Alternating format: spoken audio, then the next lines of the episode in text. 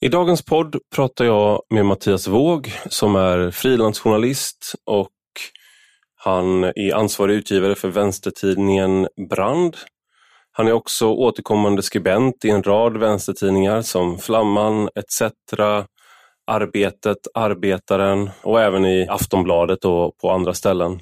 Vi eh, har diskuterat i många år på Twitter framför allt. Eh, många gånger så har vi varit på olika sidor av diskussionen men det har ofta också funnits en viss humor eh, och lite självdistans har jag uppfattat det som hos, hos Mattias. Och, sen för ett tag sedan så deltog vi, jag var i tre poddar som samarbetade om att ha ett live-event om Tolkien och Sagan om ringen och de frågorna kring kring böckerna där med anledning av då den nya Amazon-serien. Och Det var Apans anatomi då, som hans podd heter.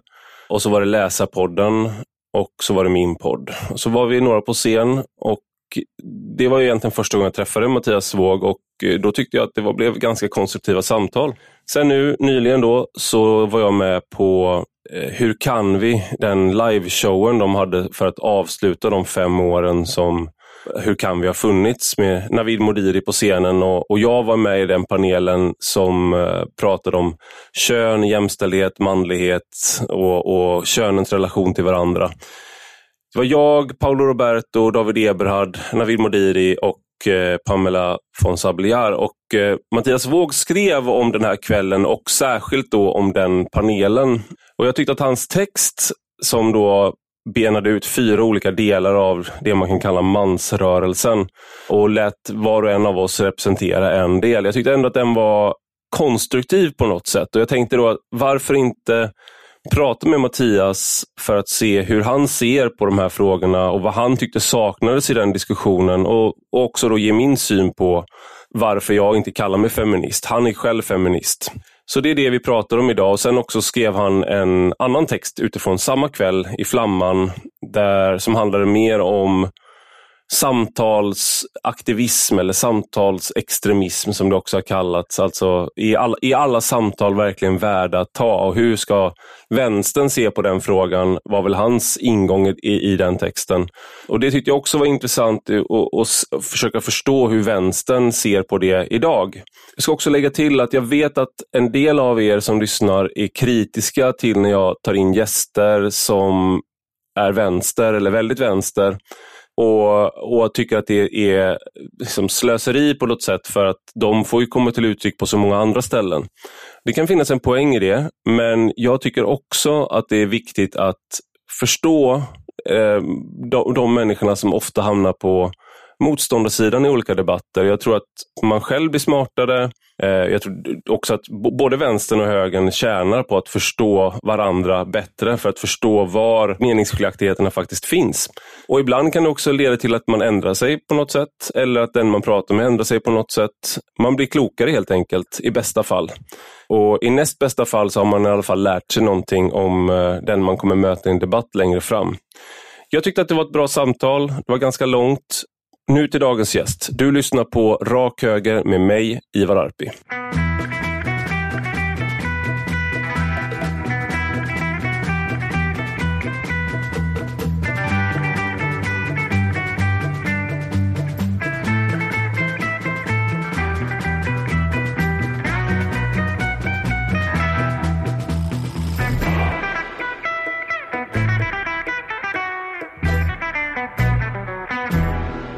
Välkommen Mattias Våg till Rak Höger. Ja, tack. Jag tänkte börja med att fråga dig om en text du skrev i ETC. Då. För eh, du, jag var ju på um, en av de här männen som satt i en panel om könskriget var inramningen vi fick eh, som vi skulle prata om då. Och det var Navid Modiris kväll i, eh, där han avslutade fem år med sin podd och live podd Hur kan vi? Och eh, det var olika paneler och i den panelen jag satt i då så var det Paolo Roberto, David Eberhard och jag. Och så var det Navid Modiri var något slags moderator även om jag tror att vi inte blev så, vi var inte så lätta att moderera på något sätt alls tror jag. Eh, men, och sen var det en eh, kvinna som kom upp också som inte skulle ha varit med som heter Pamela von Sabliar som jag inte kände till sedan tidigare. Men det var i alla fall vi som satt och diskuterade då ja, manlighet, jämställdhet, könskrig och eh, Navid hade sagt innan att han ville att vi skulle prata om Andrew Tate som någon slags här, portal till samtalet. Sådär. Och det vet jag inte om vi, det, det, tycker inte jag riktigt att vi, jag tror ingen av oss var så sugen på att prata om honom så det blev, han nämndes bara. Kanske att vi är för gamla allihop, vi var ganska hög medelålder i den panelen. Jag tror jag var yngst, men eh, i alla fall så, var, så diskuterade vi de här, de här frågorna och eh, du skrev då en text utifrån det här där du eh, beskrev oss som i termer av fyra arketyper som du såg i panelen. Mm. Jag tänkte det var intressant och därför ville jag, jag tänkte att jag tyckte att din text var, för det var flera andra som skrev också, eh, men jag tyckte att din text var den som var kändes konstruktiv. Även om jag såklart inte håller med om allting så tyckte jag att det fanns eh, saker att prata om och då ville jag göra det med dig. Men jag tänkte du kunde väl berätta vad du såg för fyra arketyper i det här samtalet? Arketyp, det är ju taget från Carl Gustav Jung så att det, det var ju lite skämtsamt jag använde den beteckningen just för att han, han diskuterar ju mycket liksom eh, mytologiska arketyper. Men jag har ju... du, är ställ, du är ställföreträdande Jordan B. Peterson här, här nu då? Verkligen. Ja. ja. jag tänkte det, man får tala till bönder på bönders vis. Exakt. Men jag har ju skrivit tidigare om, om en strömning som heter Jämställisterna, eller kallades Jämställisterna. Och sen när den här manosfären dök upp så, så försökte jag förstå skillnaderna i det och sen har jag skrivit om nyligen också om den här extremhögern som eh, växte fram ur alt-right som eh, man kan säga bildar olika former av manssammanslutningar. Och det slog mig när jag satt och lyssnade på, på det här samtalet att ni fyra som var där uppe och det kom också fram mer under ditt poddsamtal sen med Navid Modiri också där han la ut sin linje mer. Att ni, ni passar väldigt bra in för att beskriva fyra olika strömningar som har kommit inom eh, vad man ska säga den mansrörelse som kanske jag vet inte om man ska kalla den antifeministisk eller icke-feministisk. Liksom. Eh, det, det är man... en intressant uppdelning om dens... Eh, ja. Enligt vissa feminister så tror jag nog att en viss strömning så tror jag nog att man skulle kunna tänka att en icke-feminist, det är lite som att då har du också valt på något sätt. Så att, eh, mm. Men vi, vi, kan komma till det.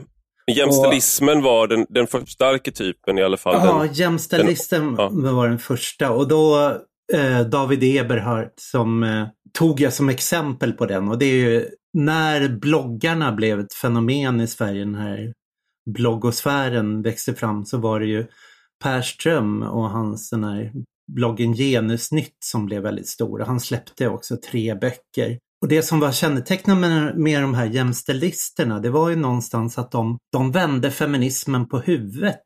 Liksom att de var som en sparringpartner till Gudrun Schyman och Feministiskt initiativ men, men vände på allt. Det var männen som var de förtryckta, det var männen det var synd om i samhället. Eh, och de blev också väldigt populära i den här papparättsrörelsen som var rätt stark just då om män som förlorade vårdkonflikter. Om omvårdnaden om sina barn där de här liksom reste runt och det hölls pubträffar och de var i Almedalen och talade. Och... Men sen när han la ner bloggen 2012 så dog den strömningen ut väldigt mycket. Så. Mm. Jag, jag David, har... David Eberhard i alla fall, i, i vårt sällskap så var han, du använde ordet eh, den offrade och det är liksom för jämställdhetens namn på något sätt. Den här att man själv är, är mannen som är den utsatta nu eh, ja. snarare än, än kvinnan. Och varför passade han in där tyckte du? Ja, det, det är dels de debatter jag har hört med honom när han har pratat. Men även i det här samtalet ni hade så var han väldigt, han tryckte på hur att han var tystad och cancellad och han förklarade också just det här hur eh, hur en liten extrem grupp feminister hade tagit över hela samtalsdebatten och fått de stora majoriteterna att tystna. Och, så att det, det var väldigt mycket det här Per Ström-linjen att argumentera liksom, om samhället har vänts upp och ner och det är kvinnorna eller en liten grupp kvinnor som har kommit att dominera hela diskussionen. Och de män som sticker upp får betala konsekvenser för det. Och... Jag tänker, ja, vi, vi, går igenom de här och sen så eh, har jag ju, jag har ju eh, saker jag tänker jag ska eh, mm. säga, men jag, jag, tycker det är viktigt för diskussionen också att, att det kommer fram eh, de här olika, för jag tyckte eh, att du ändå fick med flera av strömningarna ganska bra i, mm. i den här texten. Den andra strömningen då som jag gick in på det, det var, kallade jag den toxiske. Det var Paolo Roberto då som, som representant och det, det handlar om det som brukar kallas manosfären och det, det är samma där, det kommer ur liksom bloggosfären, det är därför det kallas manosfären. Och fanns på vissa av de här, den största bloggen var Return of the Kings och subreddit-forumet The Red Pill. Man använder mycket den här Matrix-retoriken om att ta det röda pillret.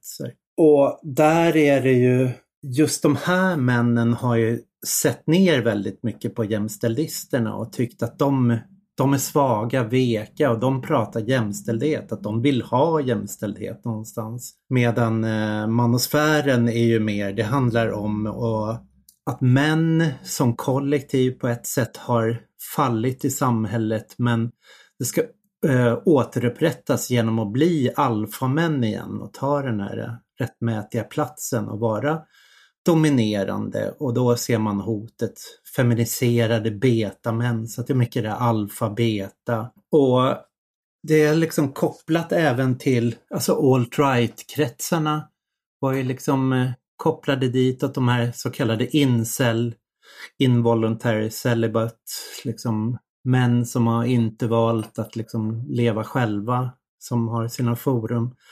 Men även en tredje miljö som kallas pickup artist som är som den här boken The Game eller olika... Just det. Det raggningsknep känns lite förmildrande att nästan säga för att det handlar ju någonstans om att skaffa sig psykologiska övertag för att få tjejer att gå i säng med dig liksom på olika sätt. Så här. Det var mycket, vad hette han den där, Rouge V eh, som, som skrev mycket om just det där. Så här, så här ska du få så många brudar på fall som bara möjligt. Jag kom i kontakt med det här faktiskt genom en kvinna som var en företrädare inom extremhögern som, som lämnade och efter att hon hade liksom hittat The Game och hittat de här texterna på The Return of the King så började läsa dem och förstod att hennes snubbe i liksom extremhögern använde de här till punkt och pricka på henne. Så hon fick ett facit vad han gjorde och hur han psykologiskt någonstans bröt ner henne, dominerade och satte på plats. Och då när hon läste det så var det bara som att hon hade ja, såg igenom allting och kunde inte vara kvar någonstans i, i den rörelsen längre. Och jag, jag satt ju och skrev om jämställdisterna där så jag kände inte alls till den här strömningen när hon kom och liksom satt och instruerade mig. Men du måste titta på de här sidorna. Du har ju helt missat att det är det här och det här som, som gäller. Och det är någonstans är ju det här liksom pickup-artisten och incels är som varandras, vad ska man säga, spegelbilder om den ena mannen som kan skaffa alla brudar han vill ha och sen de andra männen som inte får några alls. Så att det är det här liksom... Äh, ah, just det. Han behöv, den pickup artist behöver ju sin publik. Det är ju, jag tänker ja. på den här filmen Magnolia med Tom Cruise. När han, har, han är ju någon sån där ja, just det, just det. inspirationstalare. Han har den här respect the cock, säger han på scen. Och de här männen i publiken blir helt lyriska. Liksom. Ja. Eh, och Det är lite den dynamiken mellan de här två grupperna på något sätt. Precis. Och det där, det där kan vi återkomma till, just det där behovet av de där uh, coacherna och liksom guruserna i de här sammanhangen. För här är ju liksom, det är där som Andrew Tate också kommer in. Han är ju som dagens version av den här manosfären med hans liksom Hustlers University som han driver då. Och det han sitter häktad för nu, hans de här livecam sexsajterna där han liksom har kvinnor som han på olika sätt har gromat in liksom till att, eller det är det som utreds ju. Liksom, att han. För att han ska ha gjort.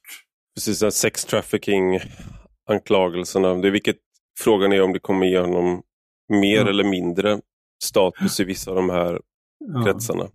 Men det, leder, det här med gurus leder ju in på den tredje kategorin ganska bra. Ja. Den kännande, visa fadersgestalten som har ja. kontakt med sitt inre känsloliv. Så skriver du om den kategorin.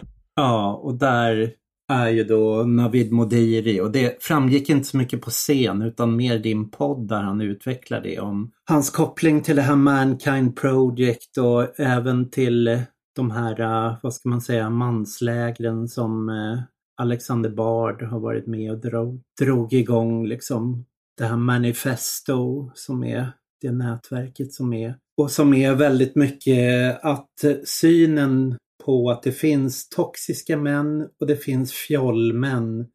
Och fjollmännen, vad man ska säga, de här mjuka männen har varit en reaktion mot de här toxiska männen. Men man måste komma till ett tredje stadium som är den här ansvarsfulla mannen som kan komma i kontakt med sitt liksom vilda ursprung någonstans och Ja men en central fras är det här liksom att kvinnor föder pojkar men män skapas av män. Att det, mm. Man ska liksom guida in eh, pojkarna i männens värld. Och jag tänker kändaste exemplet i Sverige har ju varit där Anders Karlberg som drev eh, Fryshuset och hans eh, jungianska psykolog då Rigmor Robert som har hon pratar mycket om det här i Sektpodden i hennes podd där hon går igenom det här. Det, eh, och hon, de hade ju liksom några av de så här Stockholms ledande polischefer och Mats Hult från sossarna och så här, män i kris som någonstans möttes där för att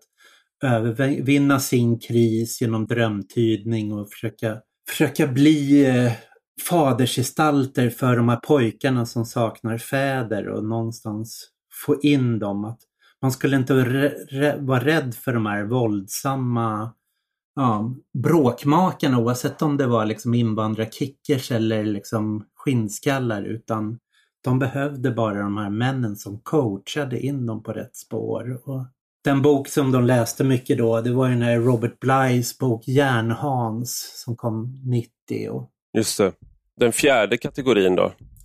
Ja, den fjärde kategorin och det var där jag skohornade in dig lite i som eh, den kritik du också dra, drog av eh, den mytopoetiska, poetiska, det där med män som åker ut och trummar i skogen och dansar kring träkukar och lägereldar och kramas och har de här råa ritualerna då liksom att eh, då finns det ju hela den eh, strömningen nu.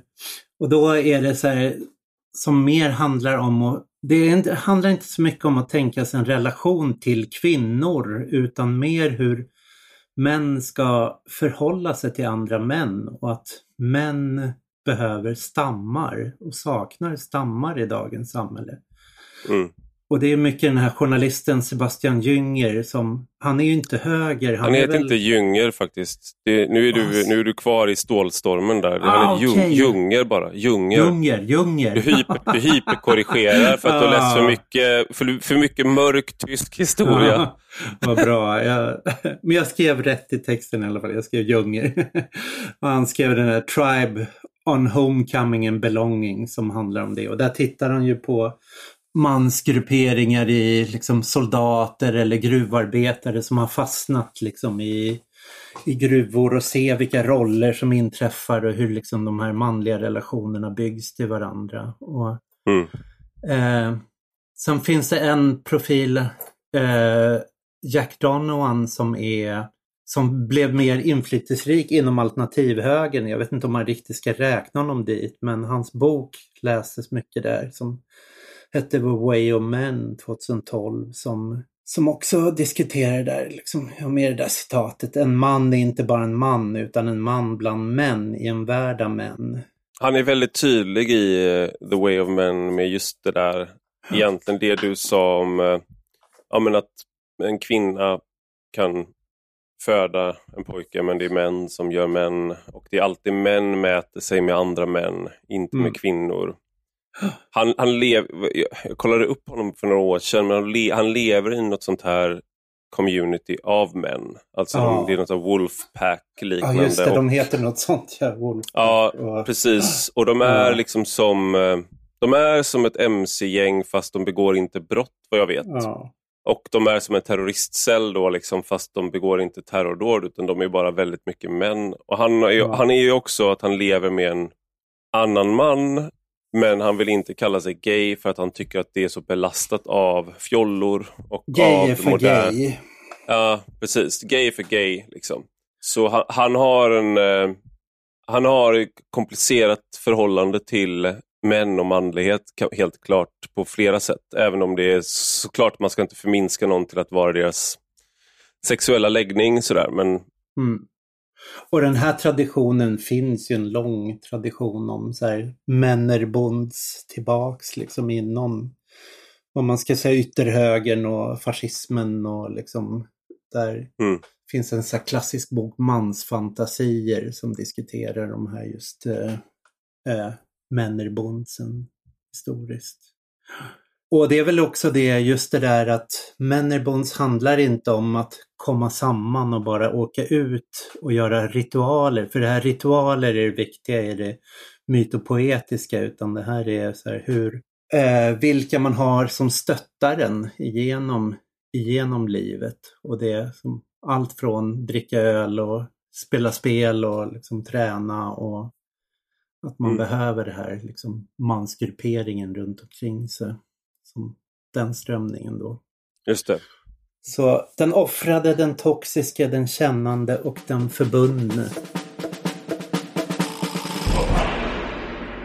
Du som då skrev om det här, vad saknade du i den här diskussionen?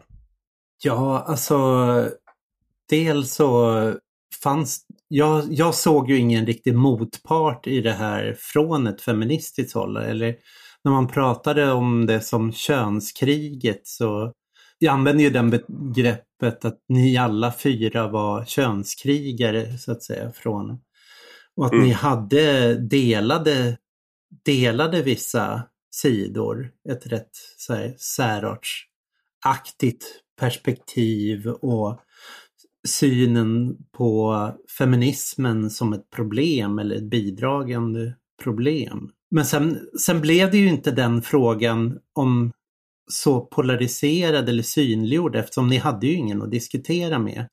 Och jag tycker inte heller att era strömningar blev så tydliggjorda där utan ja, diskussionen liksom körde fast lite. Så. Det, det hade varit intressant om ni hade kommit in som de här fyra arketyperna och liksom jag tyckte det var spännande att höra till exempel din kritik av liksom Navid Modiris åka ut i skogen och trumma. Eller när eh, det hade varit spännande om någon hade försvarat Andrew Tate där gentemot, liksom, nu, nu föll det rätt platt men ändå konstaterades, men han, då, han, han har ändå gjort mycket bra för att eh, belysa hur den här matrixen, feministiska matrixen håller folk på plats. Det måste man ge honom. Sen var det utvecklades Det sa inte jag. Nej, nej, nej, utan det var inte... nej. nej, men det var ju... Det men var, var jag var, med, jag var medskyldig då, som en deltagare i diskussionen som inte tog spjärn där. Ja, men det var ju det märkliga att det fanns en panel och så fanns en panel bakom panelen som skulle in och kommentera vad er panel sa. Det var de som gick till Tates försvar när ni inte gjorde det. ja. Just det. Ja, men jag, jag tänker, för det är en sak som jag tänker med de här för det var, jag tror att det var Johannes Klenell som skrev om samma kväll. Han, han var, eh, han är, jag tror jag tog upp det med Navid Modiri, men liksom att han är ofta rolig, men han var inte så konstruktiv. Liksom att det blir så här att man känner inte igen sig eh, i, i det. Även om man, jag tycker att det är ganska kul att bli retad av honom så tycker jag inte alltid att jag, jag I bästa fall så blir man retad och så måste man eh, liksom, tänka efter. Eh, men jag, det, så kände jag inte riktigt, utan det var mer ett slags lustmord inför vänner som han begick på oss i, i arbetet, tidningen Arbetet. Och, och, men en sak var ju det här med att det bara var män på scen och sådär. mm. Det där är någonting som återkommer i kritik av till exempel Navid Modiri har den här gruppen då, Storebror som han har. Eh, men det finns liknande då sammanslutningar av män som är olika sinsemellan. Men att en kritik man har där är just att, den är, homos att det är homosocialt. Mm. Och det, det finns liksom, vad tänker du om det? Ja, alltså jag tycker inte det är fel att det är diskussioner mellan män. Och jag, jag, jag, jag skrockade lite över det när jag satt där och tänkte på hur upprört det var över separatism ifrån de här högerkretsarna för några år sedan. Att, så här, att det skulle finnas skyddade rum eller rum där kvinnor läts talas eller eh, sådana rasifierade talade. Här, här var det ju en form av separatistisk eh, panel och verksamheterna som liksom diskuterades, ja, men som, som Navid Modiri storebror eller, eller det här Ängsbacka trumlägret, de var ju också separatistiska. Där tas det liksom som något positivt och självklart att man kan göra det och det, det anklagas inte för att vara liksom rasister tillbaks eller liksom sexister tillbaks på det sättet. Men jag, jag, jag tycker ju att det finns en poäng i separatism. Men jag, jag måste ju också säga att det där Marcus Priftis som är han eh, har varit knuten till den här föreningen Män och han har skrivit mycket bra. Han skrev en artikel om den här eh, Susan Faludis bok Ställd. Som, den kom år 2000 och det, han skrev den här texten eh, på Arbetet tror jag 2020 när han fyllde 20 år. Och så gick han i, han gjorde också en sån här genomgång in, av eh, de här manströmningarna och sa att ja, men det finns någonting hos alla. Alla har en poäng, alla har någonting så här, men snubblar på att så här, ge feminismen skulden för det problem de sitter i. Och alltså jämställdhisterna, om vi ska liksom se, de har ju faktiskt poänger när de lyfter hur eh, en rad problem som som män har i samhället. Så att män har svårare att komma fram i skolan. Eh, män har eh, det finns mycket psykisk sjuka bland män, men män söker inte vård. Män har svårare att få vård. Och därför också blir det också mer alkoholism och suicid bland män. Det finns en rad sådana så problem som män, där liksom männen har drabbas i det här samhället. Och men istället så blir det någonstans att eh, man ska komma in på det här, men vad är, vad är syndabocken för det här liksom? Eller vad, och att feminismen ges skyldig. Och det är samma med Navid Modiris, att han är, jag läste en eh, till exempel, det var en från eh, Feministiskt eh, initiativ, en, en man som skrev en kommentar på det här och han skrev att ja, men, eh, Navid Modiri är så nära ändå. Så här, det skulle kunna liksom vara ett, ett progressivt projekt i det här. Liksom. Men just det här att det ändå kommer till den här liksom att eh, feminismen är ett problem och att eh, jag, också så, jag har ju en vän som är inne i den här svängen liksom, och han har liksom coachat mig lite i de här tankegångarna och så. Och vi har pratat mycket om det här, liksom, han betonar vikten av det här mannaförbundet Männerbond och jag, jag kan aldrig så här, innan vi började spela in så det berättade jag liksom att jag sysslar med crossfit tre dagar i veckan och det är liksom en blandad grupp med män och kvinnor liksom och det är några drivande feminister och det är några liksom vi är blandade och jag, när jag tänker på det så många av de grupper jag jobbat i som jag har väldigt nära aktivistgrupper eller eh, miljöorganisationer eller vilka jag bor med. Så jag har aldrig haft ett behov av att ha den där tajta gruppen män som stödjer mig. Men jag känner samma längtan efter gemenskap, samma längtan efter att vi måste vara ett så här, finnas en stam som bär varandra där. Men min stam behöver inte vara separatistisk i det. Det här är väl en... Ja, det finns flera saker här som jag skulle vilja be henne, för jag, jag tänker att i och med att du har en aktivistbakgrund eh, och eh, flera av de som du då eh, umgås med. Man kan dela, det, det, här är ju någonting som jag tror går in egentligen i alltså att du finner den gemenskapen och att du inte har behovet kanske av att ja, men när du tränar crossfit så ska det bara vara män till exempel mm. och att ni ska ha männerbundar. Liksom. En anledning till att eh, till att det är så, det tror jag går in i det som jag försökte säga på scen där och som är det som jag har problem i hela den diskussionen om manlighet och män och allt sånt där. Det är att det blir och det här, var, det här är anledningen till att jag inte tycker att jag passar in i det här männerbund-tanken riktigt. För att det jag försökte säga egentligen på scen det var att om man är en sån grupp som hänger ihop så tycker jag att det är mer intressant vad man kan rikta det mot. Eh, och man kan vara Eh, det finns i kristna församlingar, det kan finnas i, liksom, om man är, eh, kan finnas i andra typer av församlingar där man redan är människor som möts med gemensamma värderingar eller mål och att man, man behöver liksom inte vara en, en, ett dryckessällskap bara. Man behöver inte bara vara ett träningssällskap. Man kan försöka att vara en, en bättre människa eller att man kan vända det mot någonting, mot något politiskt också. Och och att det egentligen inte är det är, du kan inte så att säga vara en god man om det du tänker på är att vara alfa.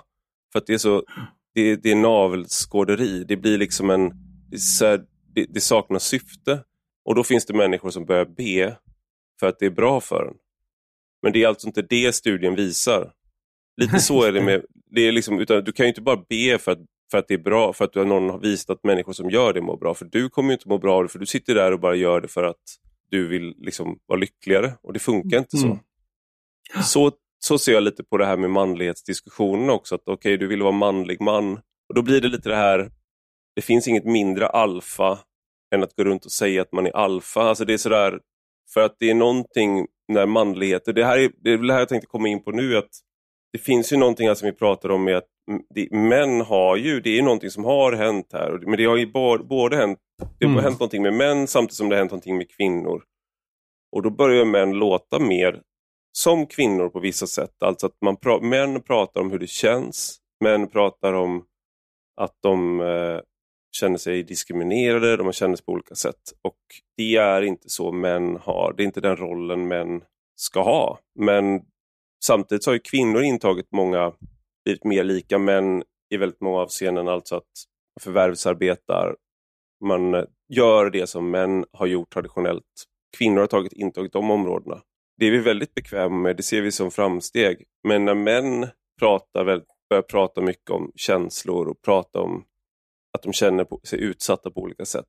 Det upplever jag att vi inte är särskilt redo för att bemöta. Och det, jag, det här mm. skyller jag inte bara på feminismen utan det här känner jag ju själv att det här är min toxiska drag. att Jordan, jag, jag tycker Jordan Peterson har sagt en del bra saker men jag har bara på ett rent ytligt plan så har jag väldigt svårt för att han börjar gråta hela tiden.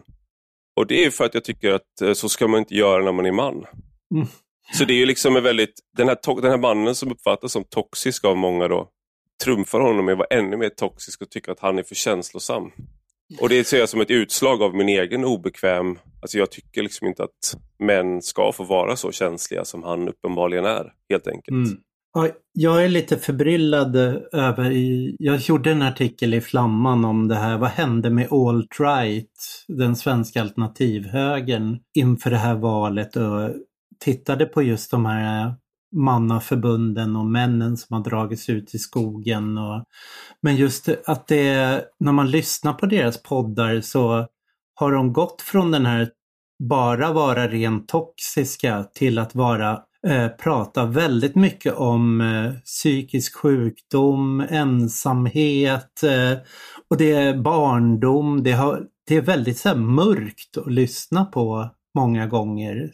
Jag tror liksom också att de har liksom lämnat politiken lite och försöker finna sig i det här. Att någonstans bakom allt det här så, så, så finns det ju någonting som har skett. Det är liksom männen, det finns en manlighetens kris, männens kris på ett sätt. Och då tror jag liksom det Susan Faludi tittar på där, hon, hon ser ju flera saker men hon, hon tittar dels på hon gör ju sitt research i mitten av 90-talet och då är det så amerikanska män som växer upp vars föräldrar eh, vars pappor har befunnit sig i krig. Det är en krigsgeneration som de är barn till. Så att dels är det vissa specifika problem med det, att växa upp med föräldrar eller pappor som inte kan prata om vad de har varit med om för trauman. Liksom, det är en sida av det. Men det andra materiella det är ju just avindustrialisering som sker i västvärlden och framväxten av servicesektorn. Så du har en, eh, en manlig, eh, där män traditionellt har jobbat ökar arbetslösheten och där eh, kvinnor kommer in i arbetslivet i offentlig sektor, den har liksom vuxit och expanderat. Så att män har börjat hamna i fall. De har fortfarande högre lön eh, än kvinnor och så är det än idag. Liksom. Medan kvinnor eh, någonstans är på, på uppåtgående. Liksom. Och det märks även i skolor och i liksom, universitetsvärlden och bildning. Så att det är, så att det, det, här, är liksom här, den jag, ena jag sidan. Jag tror hon är, ja förlåt, fortsätt. Ja, nej men att det, det, det är den ena sidan i det och sen så har vi den andra sidan som jag tror du också är inne på, eller vi kan diskutera. Det är det här liberalismen, individualiseringen, varumärkena, liksom hur vi ska... Och där är att även män idag liksom ska, ja men så här, hur man ska forma sig själv, liksom ta ta ansvar för sig själv som individ och du, du måste vara vältränad, du måste vara alfa, du måste ha en rad egenskaper. Eller så måste du både vara vältränad och känslosam, du måste både kunna liksom... Så att det är en, en rad olika egenskaper som bara har liksom plussats på nu som ska... Och det också får konsekvenser. Det här är väl en, eh, det jag tänker, för att du hade ett en, um, poddavsnitt uh, i din podd Apans anatomi mm. som jag kommer länka när jag publicerar det här, som hade titeln Manfall. där du pratade med, han är i alla fall leder, um, Shahab Ahmadian, han är i alla fall leder um, uh, Män för jämställdhet då. Uh, han är ordförande där. Och sen var det Elis hette den andra. Det är en ganska stor organisation. De är ganska många mm. som, är, som är anställda och sådär. En kritik, han satt ju då i panelen på, på Kulturhuset där. Och när man lyssnar på den här podden så är det ändå utgångspunkten någonstans att män är, det här är, får rätta mig om jag har fel här, män liksom är ett problem som ska lösas och men då det är deras så att säga den här organisationen, de, på många sätt så liknar de ju sådana här som storebror och liksom mm. den typen av, för att det är, det är explicit så att det är män som ska prata med män. Det var därför organisationen bildades, berättar de där. Eh, men det, det, det som ska lösas är ju den här toxiska maskuliniteten som utsätter kvinnor på många sätt. Ja. Eh, och det återkommer väldigt ofta. Och det var ju samma med en annan som arbetar för män för jämställdhet, Svante Tidholm. När Jordan Peterson var på uppgång så var han en av dem som kritiserade honom och då stod vi i Aktuellt och pratade om det här. Och eh, jag förstod inte riktigt varför alla var så, de var så sura från de här manliga feministorganisationerna på Jordan Peterson då. För att mm. mycket av det han sa var ganska beskedligt på det stora hela. Men det var ju, som jag uppfattade för att Jordan Peterson är inte feminist. Han har inte en grundsyn som går ut på att det finns en struktur som gör att män som grupp är över, överordnade kvinnor som grupp och att det är en struktur som består. Och då blir allting, och det gäller väl även oss som satt på scen då, de här fyra eh, kategorierna som vi gick igenom. Vi blir ju på något sätt, och Jordan Peterson räknar in där då, mm. eh, en eh, avledningsmanöver i bästa fall. Det vill säga att vi pratar om olika saker som förvisso kan vara intressant i, i olika delar men eftersom vi inte har en grund, eftersom vi inte har en politisk analys om att vi måste eh, utjämna eh, skillnaderna i makt mellan män och kvinnor enligt en feministisk analys så blir det, kan det i, i värsta fall också bli rent av skadligt om vi övertygar människor som annars hade kunnat vara med på tåget så att säga. Så att vi blir en motkraft mot, även om man inte är uttalat antifeministisk så kan det ändå vara utfallet av den typen av grupperingar. Hur tänker du kring det? Ja, alltså jag tror att det kanske är att förenkla kritiken lite. Att jag tror också att Jordan B. Peterson, han pekar ju ut någonstans ett problem och han kör ju utifrån de här jungianska, att det finns det här liksom kvinnan, draken, kaoset liksom, och mannen någonstans som ska ta sitt ansvar. Det män försöker göra är ju just, de är ju kopplade liksom till feministiska jämställdhetsprojekt. Det är att se just till mäns våld mot kvinnor, hur man kan arbeta. Det är någonstans kärnan i det och sen så jobbar de med mäns mående, hur män har det på arbetsmarknaden, män och psykisk hälsa och allt det kommer ju in men kärnan är liksom mäns våld mot kvinnor. Hur man ska ta itu med det och lösa det. Och det, det går ju inte liksom bara att tänka bort eller liksom säga och det då kan man ju se liksom att eh, även de här äh, arketyperna jag pratar om, förutom den toxiska mannen då, försöker ju på olika sätt lösa det här liksom att männen som utövar våld mot kvinnor, antingen ser man dem som omanliga eller så ser man dem som problemet med machomannen, att de behöver komma i kontakt med sina känslor. Det finns olika, olika sätt där också, liksom att hur man ska handskas med det här liksom mansvåldet som riktas mot kvinnor. Liksom. Men jag tror också man kan lägga till, eller det som jag ser också som en kritik, det är ju någonstans den här, den här självförbättringstendensen som finns i det här och som, eh, som de här mansrörelserna någonstans delar med både så new age och nyliberal liksom managementteori, liksom hur man ska någonstans, eh, det är du som har ansvaret. Du ska ta ansvaret för ditt liv och du ska förbättra dig och göra, skapa den här liksom den här mannen, den här framgångsrika mannen. Du kan sluta klaga, sluta skyll på annat. Och jag fattar ju liksom poängen med det, liksom att det handlar om att börja någonstans och börja ta, ta ett ansvar. Det är också väldigt så individualistiskt perspektiv. Jag kan ta ett exempel. Det finns en, eh, eh en så radikal ultravänstergrupp från Frankrike som jag tycker väldigt mycket om som kallas den osynliga kommittén som har skrivit massor med pamfletter. Och de, eh, de gav ut en eh, bok som hette Teori om unga brudar.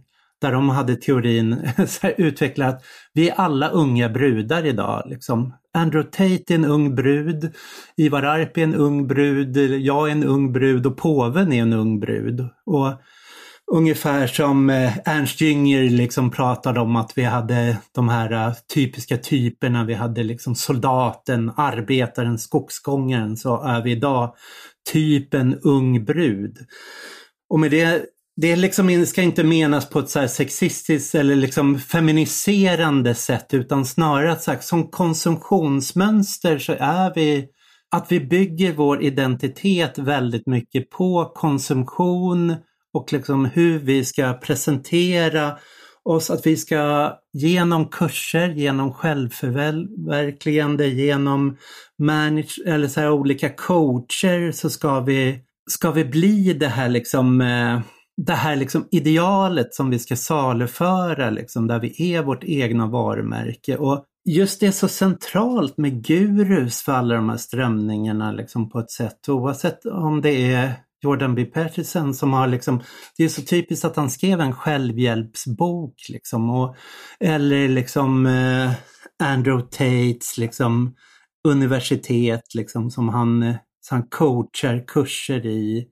Just det här och jag tror jag vet att du har läst den här Wendy Browns bok om feminism där hon kritiserar identitetspolitik.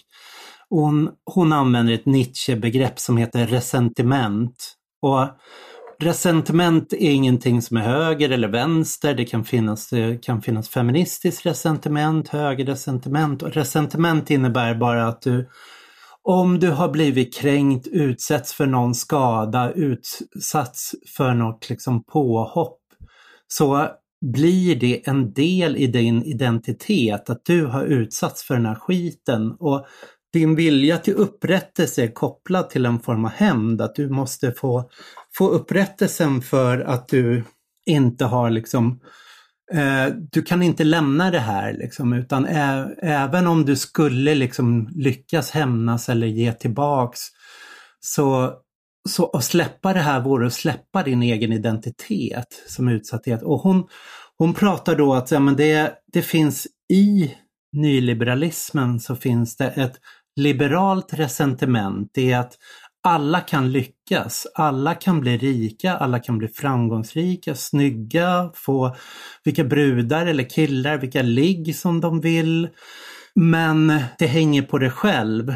Och sen när man försöker göra det så stöter man på olika hinder som visar att du kan inte nå det. Och istället då för att känna liksom att det är med i den liberala ideologin så är det ditt, ditt eget fel då. Att du har inte försökt tillräckligt mycket. Du har inte gått tillräckligt mycket kurser eller bäddat sängen tillräckligt bra eller liksom.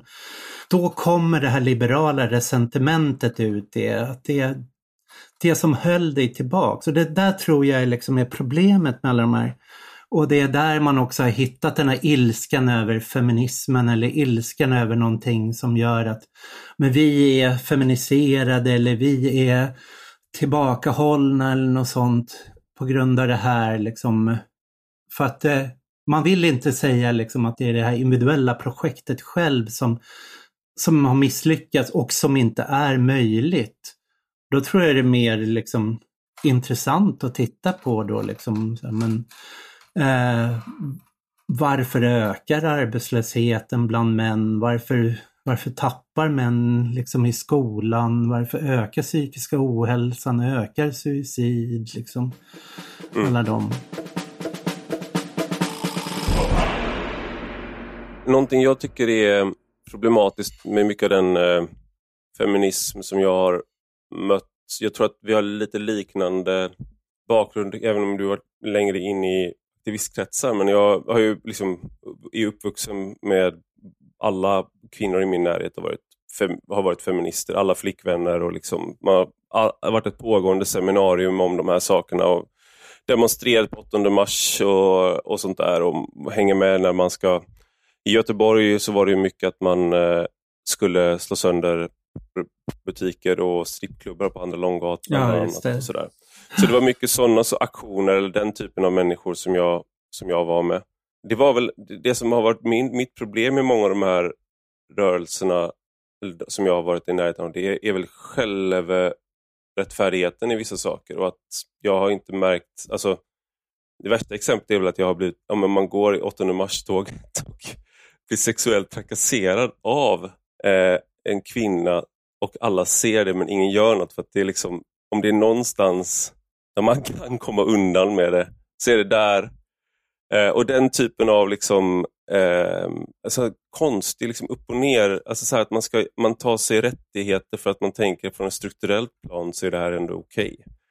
Okay. Eh, och sen också att man har använt de här argumenten, liksom för, inte för att försöka uppnå då kanske som man tänker sig om man ska vara, även om man inte håller med, så kan man ändå, även om man inte skulle hålla med om målet så kan man se att det är, en, det är en kamp för en rättvisa som man ser framför sig. Men det innebär inte att du som individ kan göra vad som helst. Men, det kan, så här, men att man har det just så man har använt det, vi har sett det ske väldigt ofta, man har använt det som carte blanche för att göra saker. Och diskriminera män för anställningar, diskriminera så man är öppen med det och det har varit öppen, varit öppen mot, mot mig med det, öppen mot andra. Liksom. Det är också en sån där aspekt av av det här som, apropå resentiment, som jag tror kan vara drivande för att människor känner att jag, feminism är ingenting för mig för att det är inte någonting som tar mina in, mig på allvar. Men det, ändå, det du pratar om nu tycker jag med queer-feminism och, och mm. sådär för dig. Men det tycker jag egentligen finns även i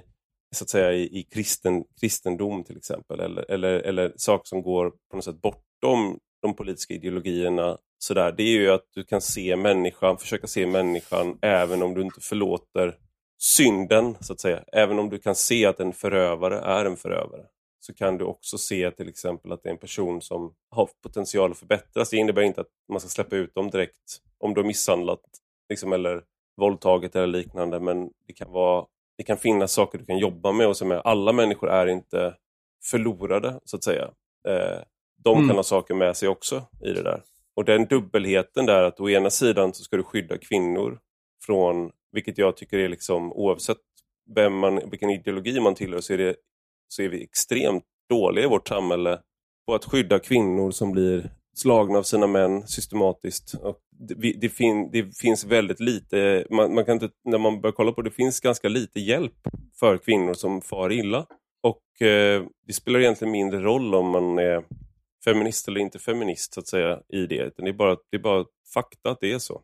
Men jag tror att ett problem här det är, är att jag, jag ser det väl lite som att feminismen uppstår ju också i en tid när kvinnor de ska, ska bli som män. Alltså alla ska bli producenter. Vi ska alla producera. Vi ska alla vara, jobba. Jobba är det viktigaste. Arbetslinjen så att säga. Det började långt tidigare än alliansen. Och vi ska alla bli liksom samma sorts kugghjul i maskineriet. Och Eh, kvinnor som då tidigare, om man har haft ganska det här, det här är väl inte den grundläggande feministiska analysen men kvinnor och män har varit ganska uppdelade i vad de gör. Och det är ofta så i väldigt många traditionella samhällen. Man, men det är inte alltid samma uppgifter. Eh, så att det, att det finns en biolog, det är inte biolog, biologin som avgör exakt vad du gör utan men män och kvinnor har ofta levt ganska uppdelat i vad de gör och så har man olika sfärer så att säga.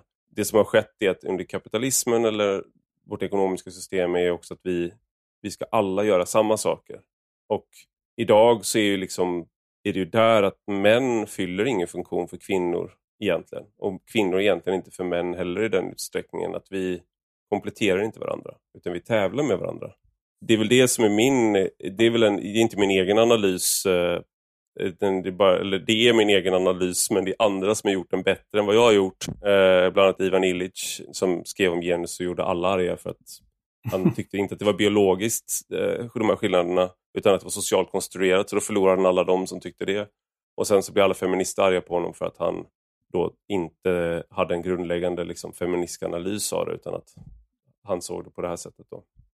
Mm. Ja, Göteborgs universitet gjorde ju nyligen en sån undersökning i Europa där de tittade på liksom synen på jämställdhet och synen på arbetslöshet, eller kopplat till arbetslöshet och där man såg att eh, ju högre arbetslösheten blev bland män i Europa, desto mer negativ blev den också på synen på jämställdhet, på feminism och liksom på, på kvinnors position. Så att någonstans hänger det där liksom mansfallet hänger också ihop med hur, hur man ser det där. Och jag tror liksom problemet då var ju att när det blir ett så här nollsummespel i perspektivet, att se, att se männen får det sämre för att kvinnorna får det bättre. Liksom, männen är på nedåtgång, de är fortfarande över och kvinnorna på uppåtgång. Och därför liksom ses det som att det är kvinnornas rörelse uppåt som, som orsakar liksom det här mansfallet. Så istället för att se någonstans att ja, men det, det är liksom samma ekonomiska system liksom som, eh, som man påverkas av och att det är globalt sett har det skett oerhörda förändringar sedan 70-talet och framåt i hur produktionen organiseras. Liksom med stora avindustrialiseringar här och, och nyindustrialiseringar i liksom syd och öst. Liksom, eh, och, eh, och att det här, liksom, de här massiva förändringarna i kapitalistisk produktion liksom, har fått kommer till uttryck i de här liksom könskonflikterna och liksom förändrade synen på jämställdhet. Eh, och, där vi, och där vi alla idag är som de, eh, os, vad var det de hette, osynliga kommittén. Som... Kommittén, ja men det här med att ja. vi alla är en young girl eller ja. en, det, är, det är ju liksom att vi alla säljer oss själva och framställer oss själva. Vi måste göra oss själva attraktiva på ett sätt idag som man pratar ju om liksom, emotionellt arbete på eh, liksom att det var något som kvinnor tvingats göra liksom på arbeten, att man ska få folk att må bra på arbets... Liksom, eller få, få kunder att må bra. Typ man är servitris och du måste le, du måste liksom jobba med känslorna och sådär. Och det där var någonting som när jag började jobba för 20 år sedan, eller vad det blir, 25 år sedan, så kommer jag ihåg att en kompis, han var så jävla störd av att när han jobbade att folk tyckte att han skulle gilla det. Hans chefer tyckte att han skulle gilla det. Mm. Jag tänker fan inte gilla att jag jobbar på 7-Eleven. Ni ska betala mig ändå, tyckte han. liksom.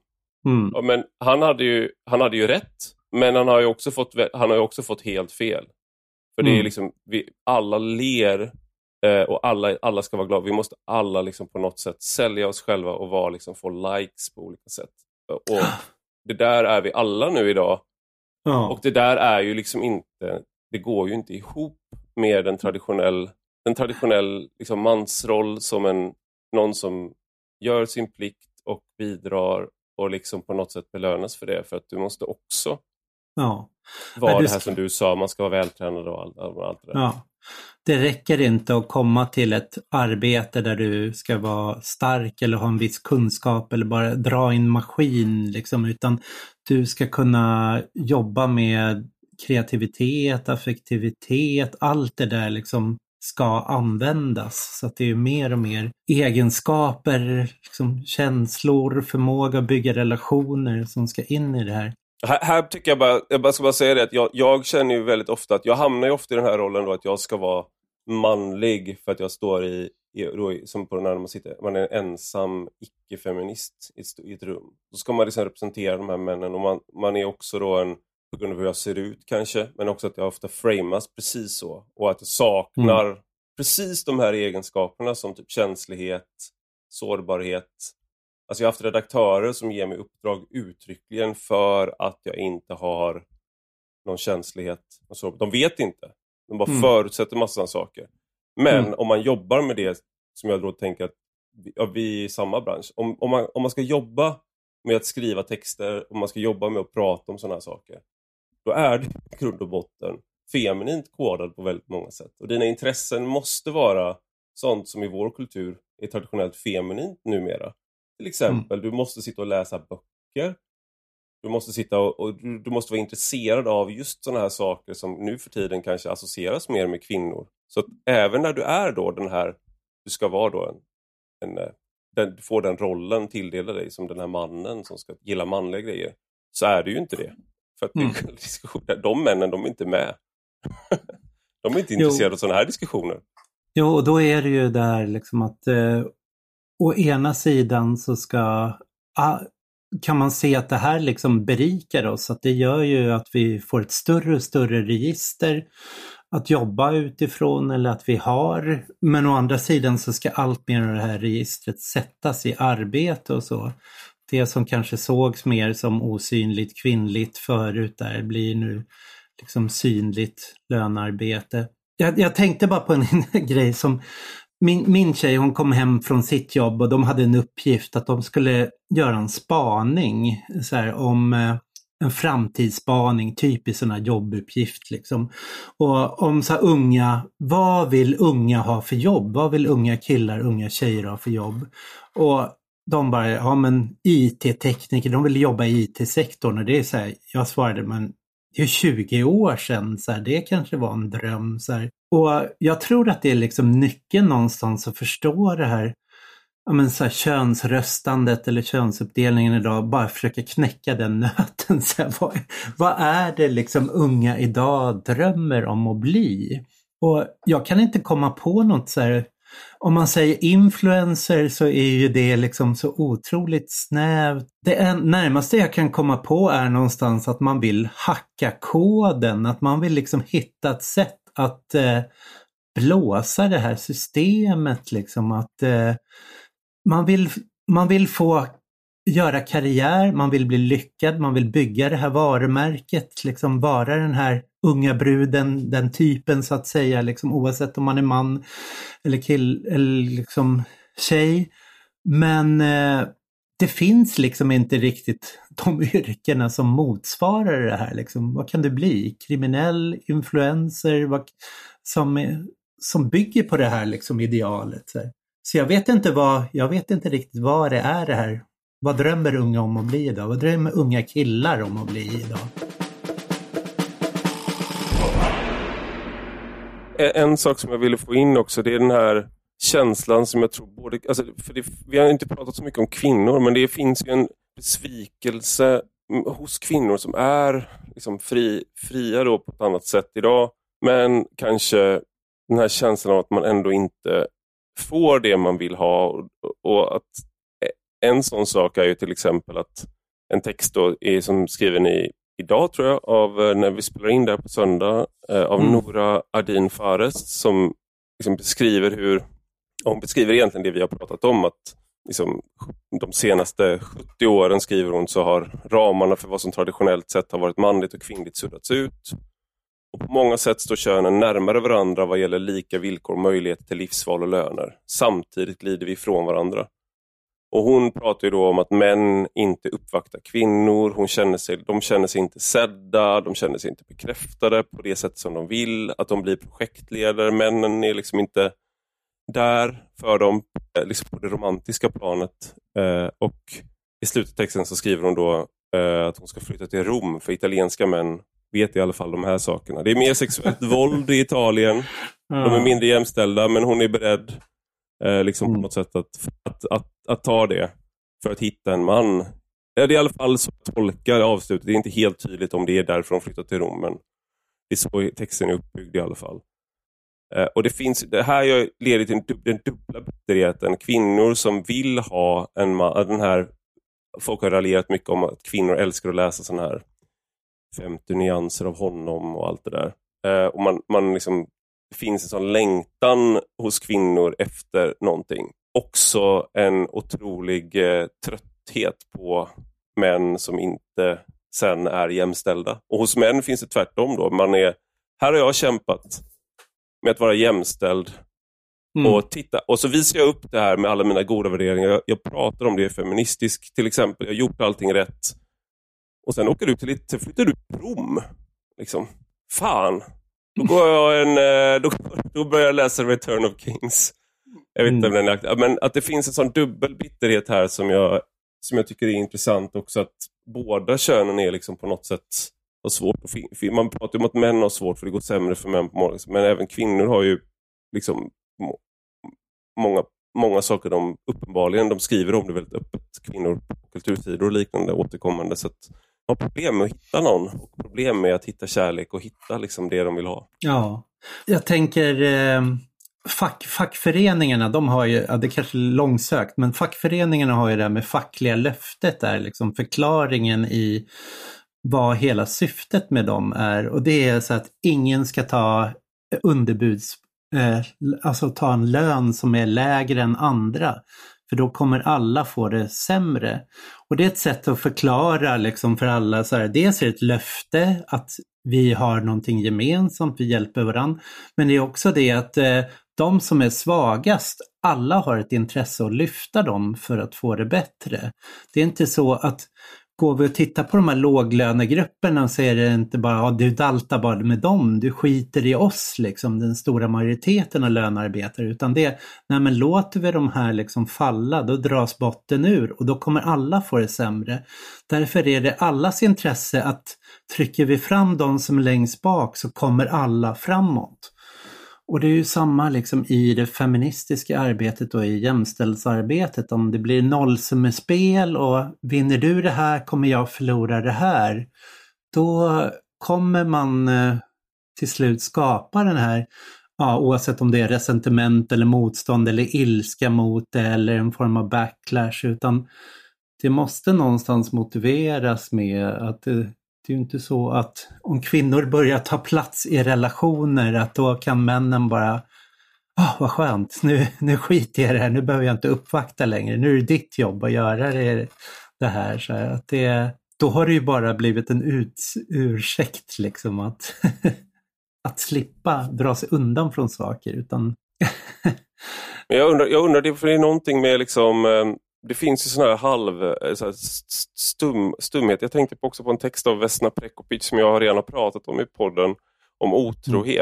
Mm. Där hon pratar om att skriver om att det är liksom ja, men man måste få ge efter för passionen och det är liksom, man kan leva i en relation ändå. Och man ska liksom, varför tycker folk att det är så hemskt med otrohet och sådär. Mm. Och eh, Jag tänker bara på, liksom för att passionen är så, man, den är så, det är en så stark kraft att man ska liksom inte förneka sig den. Jag har redan kritiserat den, men jag tänker en, om en man hade skrivit den texten på en, på en arbetsplats, liksom, så här, jag, jag, jag, om jag ser liksom en yngre kollega, en kvinnlig kollega, jag, så känner jag passionen. Liksom. Jag måste få ge efter för den. Varför tycker folk att det är så hemskt att, att man är otrogen med liksom en yngre kvinna? Det, hade ju, det, hade ju aldrig, liksom, det finns en anledning till att ingen man skriver en sån text idag. Jo. Och Det är ju för att vi har liksom en vi, vi har en halv diskussion kring många av de här ämnena skulle jag säga. Och kanske med viss eh, liksom, eh, Alltså jag, jag, jag, tycker till exempel att det fanns mycket gott med metoo som kom fram. Mm. Men det fanns också en del eh, i det som hur man pratade där jag tror att, att det kan vara svårt för om man är en ung man särskilt eh, att fatta vad det är för regler som gäller i dating och att det kanske är en förklaring till att man män tar ett steg tillbaka från eh, särskilt yngre män kanske som jo man är, man är inte lika på, man går inte fram för man är rädd att gå över de här gränserna.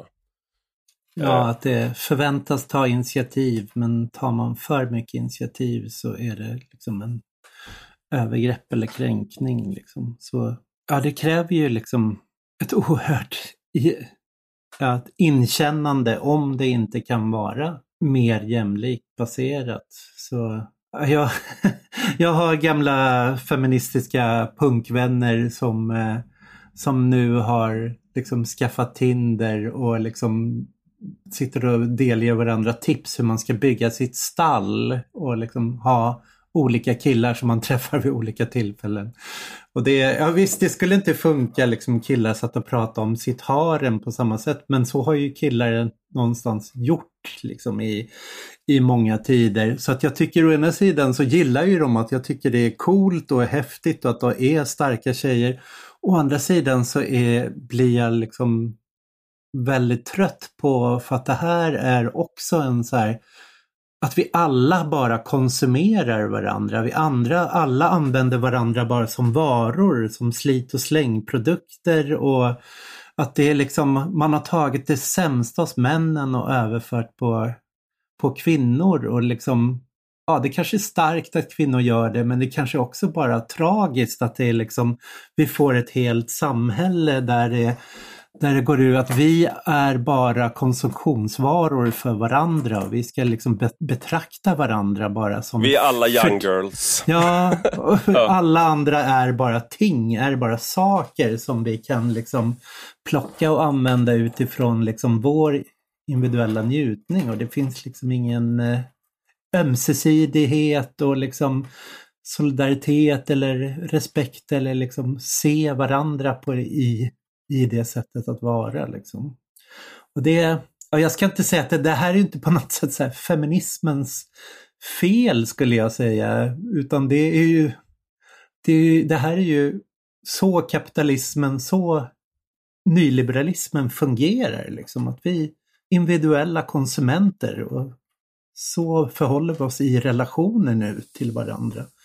Relationen har bara blivit en vara. Det är väl det som är då en annan sånt där begrepp som man också kan, man ska inte använda nedvärder, nedvärderande mot kvinnor specifikt, men att man är en girlboss. Och det är väl det som är att man är då stark inom systemet så att säga. Det är mm. ju att du är till exempel då att du har, kan ha ett stall av killar. Liksom. Det är ett typiskt girlboss move. Mm. Liksom. Mm. Och de killarna är young girls då. Ifrån. Så det är fortfarande, jag vet inte varför det blir feminint kodat. Jag tror det är väl just för att det är så mycket det här med att göra sig attraktiv och att liksom spela. Som mm. girlboss är någon som spelar, spelar spelet och vinner liksom på något sätt. Mm. Men det är inte någon som ändrar spelreglerna. Och det är väl lite det här, jag tror, jag tror, jag tror egentligen att det fin, jag har kritik mot feminism men, eh, och den har jag framfört i, i, i texter och sådär. Jag tror att det finns, liksom, jag tror att egentligen så är det ju inte feminist, det är inte feminismens fel, eh, liksom, många av de här sakerna, utan det är snarare att feminismen i sig i sin tur är många gånger en reaktion på samma problem. Att du kan inte både förvärvsarbeta och förväntas vara projektledare hemma och vara en traditionell mamma och sköta. Liksom. Alltså det är ju, och då finns det ju en feministisk analys av att där man liksom, nej, jag kan inte göra de här. Jag kan, det, här är inte den, det här är inte en rimlig roll eh, att ha. Alla de här sakerna. Men det är ju många sådana där reaktioner och att man ändå kan se då till exempel att kvinnor utför mer av det obetalda eh, hemar, hemarbetet och, och, liknande och att ta mer ansvar för, för barn och håller koll på de här klassiska grejerna. Man håller koll på barnens födelsedagar och presenter mm. och relationer och allt det där. Det, det, är ju, det är ju, eh, liksom det är ju när en kvinna inte jobbar eh, så att säga i ett sådant samhälle, då kanske det är en hyfsat liksom, okej okay arbetsfördelning. Men om kvinna också jobbar heltid och också ska göra allt det där, mm. då funkar inte den typen av relationer för kvinnor. Och det är en feministisk reaktion kan man säga. Men det är ju det är fortfarande så att det som krävs av både män och kvinnor i vårt samhälle idag är ju att du ska vara en individ först och främst. Och då är ju liksom allting som kommer i vägen för den individuella lyckan och mm. njutningsmaximeringen är ju på något sätt fel och, och hämmande och måste liksom bort för att man ska frigöra individen. Mm. Nej, det, jag tänker även i ens personliga relation, det är liksom så stor del av när man diskuterar sina problem. Hur mycket är det här ett problem att vi har problem med varandra, vi inte klaffar eller någonting vi behöver lösa och hur mycket är det här problemet att vi sitter i en omöjlig situation liksom med det här med hur vi ska få ihop det här med jobb, skola, resor, allting och klara av det här. Och det gör och det. crossfit liksom. tre gånger och i veckan. crossfit tre gånger i veckan. Ja, det tar jävla tid. och sen är man där klaustrofobiskt trängd. Liksom. Exakt. Där, ja. Jag skyller allt mer på systemet, men jag, jag inser att jag låter liksom som en eh, sån där 70-talsklyscha. Alltså när jag pratar om de här sakerna. Det är så ett system som är väldigt, väldigt svårt att, mm. att vara familj i, vara parförhållande i. Och Det bästa, det tror jag mest moderna, det är att man skiljer sig som man har varannan vecka. För då har, kan man vara individ eh, varannan vecka i alla fall. Liksom, ja. så kan man, det, det, är det bästa sättet att lösa det på i vårt samhälle. Jag tänkte jag ska bara avsluta med en, en fråga. Mm. Det blev lång, långt samtal här, men du skrev en annan text utifrån, du, du, du var väldigt produktiv utifrån det här. Kan vi? Du, du lyckades vaska fram två texter, men ja. den andra texten tar vi bara lite kort nu då. Det, den handlar om samtalsaktivism. Mm. Eh, och det är liksom som då, ja, men Navid Modiri brukar ta som exempel på det, han, kall, han kallar sig väl det också. Och sen har vi Stina Oskarsson, en annan som har kallat sig samtalsextremist tror jag. Mm. Och och, du har en fråga där i den texten som du skriver i Flamman, så här, vad har egentligen vänstern där att göra mm. liksom, i de här eh, liksom, samtal? Va, varför ska vänstern vara med och samtala i mm. de här sammanhangen? Mm. Varför alltså, ställer du den frågan och, och, liksom, och vad, vad tänker du kring ja, det?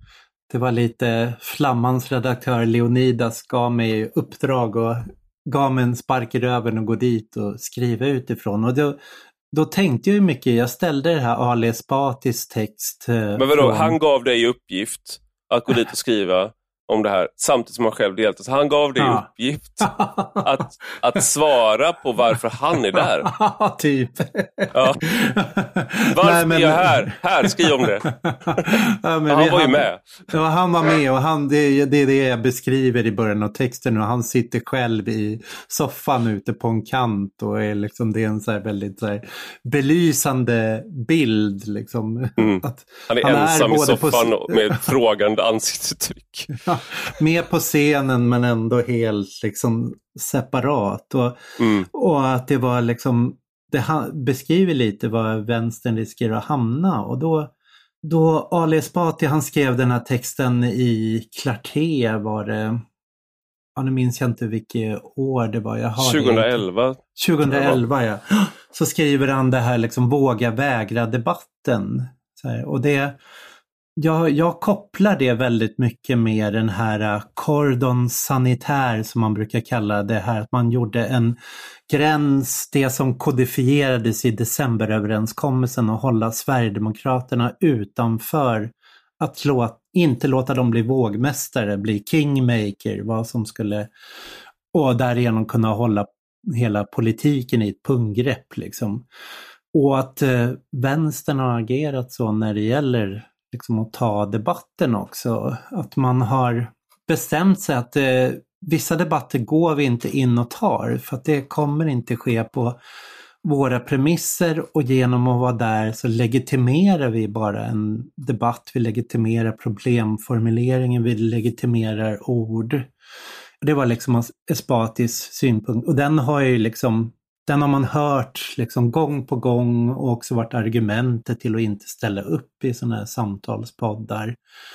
Men eh, då försöker jag gå igenom vad händer då när det som var så edgelords och extremt och i utkanten har blivit mainstream. Och att vägra gå in och ta de här debatterna någonstans blir ju att till slut självisolera sig för att vi kan, det blir fler och fler forum vi inte kan delta i och prata i. Och dessutom så glömmer vi liksom den här grundförutsättningen. Det handlar inte om att gå in för att vinna debatter. Även om jag tycker vänstern ska liksom bli bättre och slipa sina argument för att liksom man blir förslöad annars. Eh, men att det handlar om att vinna publiken. Och det är där vänstern någonstans har tappat.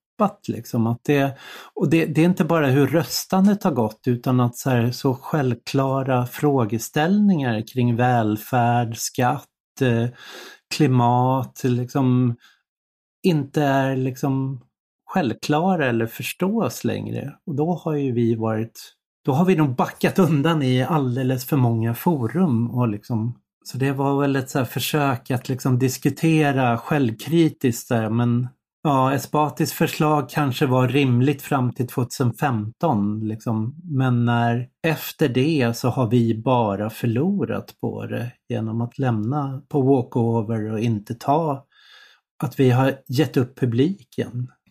Har det att göra med att man har, för det här är jag stöter ju på det här med att våga väga debatten väldigt ofta i olika sammanhang och få interiörer från, i mitt fall handlar det väldigt mycket om eh, interiörer som jag får in från universitet, där man försöker få till en diskussion, en debatt till exempel, och en dekan stänger ner debatten genom att liksom inte ställa upp och att övertala de som ska anordna den att det här är ingenting, en diskussion, vi kan inte ta den diskussionen om till exempel cancelkultur eller någonting eh, för att då att överhuvudtaget använda det ordet innebär att vi ger det legitimitet till den här beskrivningen. Mm. Eh, och det där det är också så här, när, jag, när genusdoktrinen kom, så det skönt att jag åtminstone mot slutet lyckas nämna min egen bok ännu en gång.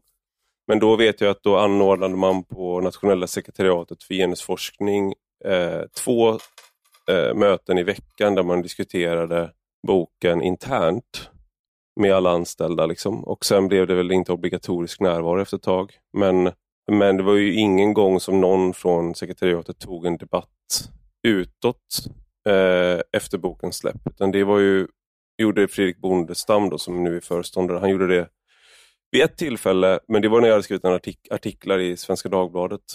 Och Det här är ju något som återkommer då, liksom just det här, man pratar om olika sätt att använda makt på. Det finns ett som är som ö, ö, tydligt liksom, öppet maktutövande. Man fattar ett beslut som innebär någonting. Sen är det också att man undanhåller saker från dagordningen aktivt. Och sen att man försöker påverka attityder och liknande. Och, men, men det här är ju, är ju liksom ett sätt det jag tänkte fråga dig är, tror du att det är för att man ibland i vänster har känt att man har ett övertag på institutioner till exempel? Så att man inte behövt ta debatten och så är det liksom någon, någon härjig ledarskribent som håller på och så ringer SVT och man bara, varför ska jag ta den här debatten? Jag är chef här. Mm. här. Alltså jag har ju läst så lite på akademin och har så dålig koll så jag är nog dålig på att ge ett svar där. Att jag har ju snarare liksom varit aktivist och skribent. Det har liksom varit mina områden. Och jag tänker på, det handlar, oh, jag, jag har svårt att säga det. Att det är dels så ser man väl, vad har man en skyldighet att lyfta in och vilka politiska diskussioner har, ska man gå in i och jag tycker ju akademin rent generellt är väldigt försiktig och feg att gå in i liksom politiska samtal, gå in i diskussioner.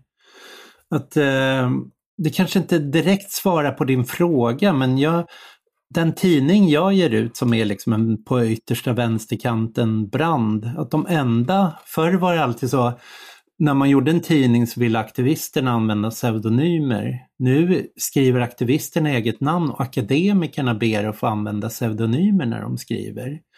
Och det är liksom så här blivit det omvända och att det, det finns en sån ängslighet, liksom, precis som det finns i public service och så, att gå in i diskussioner och ta politiska diskussioner. Så Eh, att bara liksom att det blir polariserat eller att det blir en diskussion, vill man, då är det enklare att hålla sig till de eh, akademiska procedurerna hur man ska göra. Så att ja, men vi tar det på, ja, men precis som diskussionen nu var kring han Egyptssons eh, avhandling. Liksom. Ska man diskutera det politiska innehållet i hans avhandling eller ska man diskutera strikt hur liksom proceduren har gått till? Har det gått till, etiska bedömningarna gått rätt till? Har, liksom, har han förhållit sig rätt till källor, till liksom definiera sina begrepp?